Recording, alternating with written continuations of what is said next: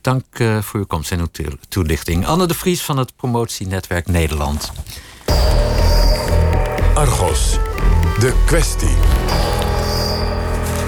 Die kwestie gaat over journalisten die carrière willen maken. Ze kunnen dat lang niet altijd binnen hun eigen vak, want de doorgroeimogelijkheden zijn beperkt en er is een krappe arbeidsmarkt door de terugloop van oplagen van kranten en tijdschriften en bezuinigingen bij de omroep. Sommige journalisten kiezen dus voor een baan bij de overheid als woordvoerder of beleidsmedewerker bij bijvoorbeeld Haagse ministeries. Vooral parlementair journalisten maken die overstap vaak. Kim van Keken, freelance journalist bij onder meer Follow the Money en De Groene Amsterdammer. En eerder dit jaar samen met Erik Smit uitgeroepen tot journalist van het jaar. Ze wonnen ook nog eventjes de Anne Vondelingprijs voor politieke journalistiek tussendoor.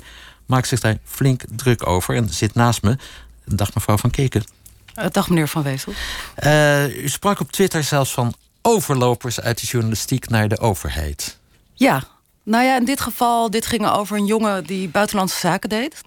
En ook naar het departement van Buitenlandse Zaken nu gaat. Het gaat om Jeroen van Dommelen, ja. NOS-journaal. Ja. En die was een paar maanden geleden nog op werkbezoek met de minister... en loopt nu achter de minister aan. Ik vind dat wel overlopen, zeg maar. Dat je eerst kritische vragen aan haar stelt... en nu in één keer haar beleid verkoopt dat noem ik overlopen.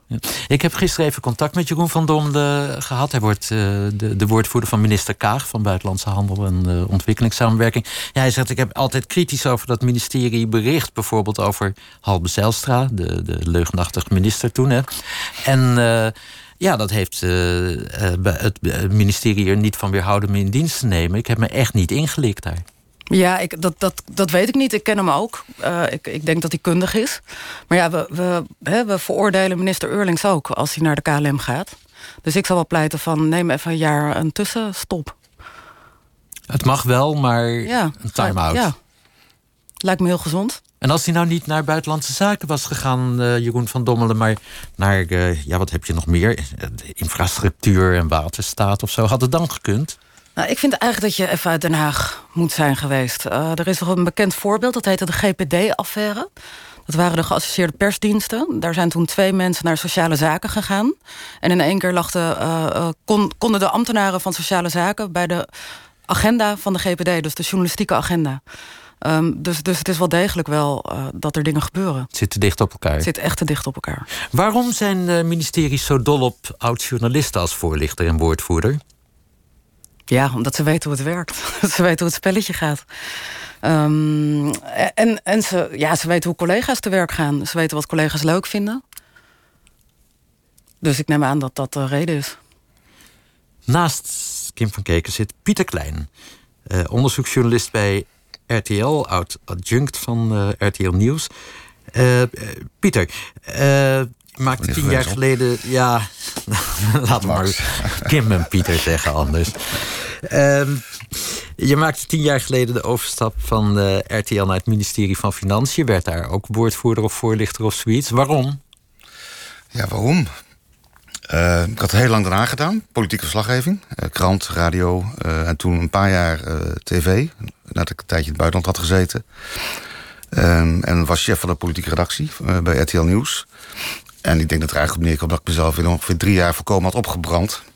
En toen kwam best die vraag aan de orde: wat doe ik hierna eigenlijk? En als je een burn-out dreigt te krijgen, is voorlichter op een ministerie de, oplossing. rustig. Nee, het was helemaal niet rustig. Nee, ja, het was een reeks van toevalligheden bij elkaar. Ik had gedacht, uh, ik wil ooit die andere kant wel eens zien. De binnenkamer van de macht. En uh, ik kwam het toenmalige hoofdpersvoorlichting tegen. Niet toevallig, zal Kim zeggen. Op die vierkante kilometer, Raymond Salet. Die vertelde dat die hij zag je in Nieuwsport of op een terrasje in Den Haag. Volgens mij was het lunch of zo. Uh, ja, ja.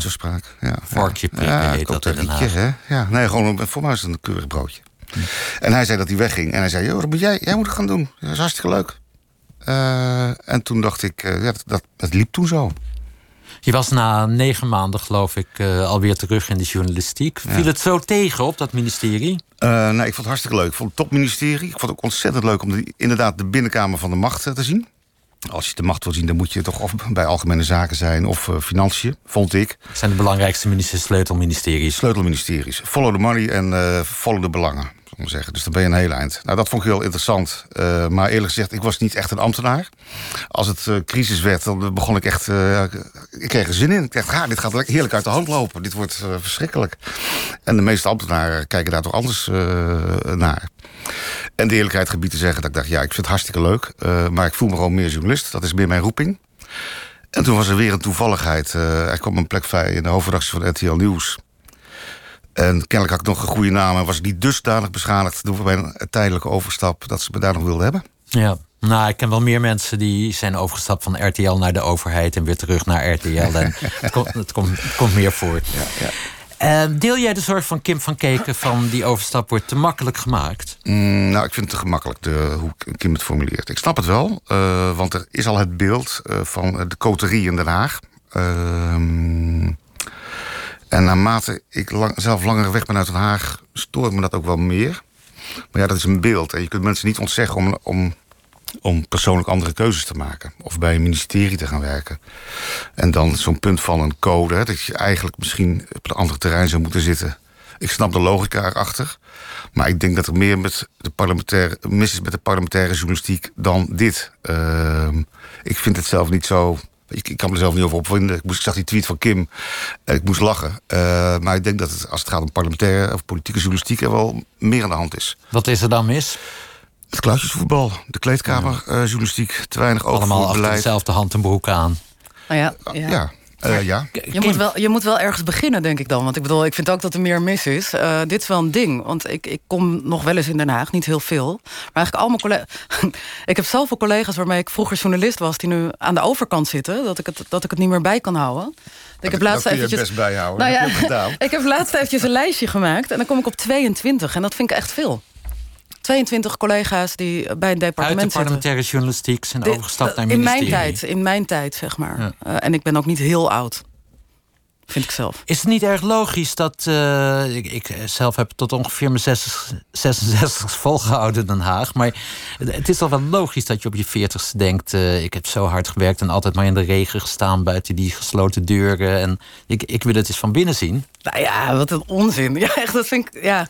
Nee, maar ik vind ook dat hele vergroeide met het Haagse. Dat is nou net het probleem van de Haagse journalistiek. Ga lekker uh, met, over echte mensen schrijven. En naar redactie Binnenland zou ik zeggen. Of. De, journalistiek is meer dan alleen Den Haag. Ja, ik vind het toch net, net iets te gemakkelijk. Ik bedoel, er kleven best bezwaren aan en het beeld is natuurlijk ook niet uh, uh, zo gunstig. Maar de parlementaire journalistiek is toch meer bij, uh, gediend bij meer distantie, meer onderzoek. En wat ik er zelf lastig aan vind, is een discussie die we intern bij RTL Nieuws ook heel vaak hebben gevoerd.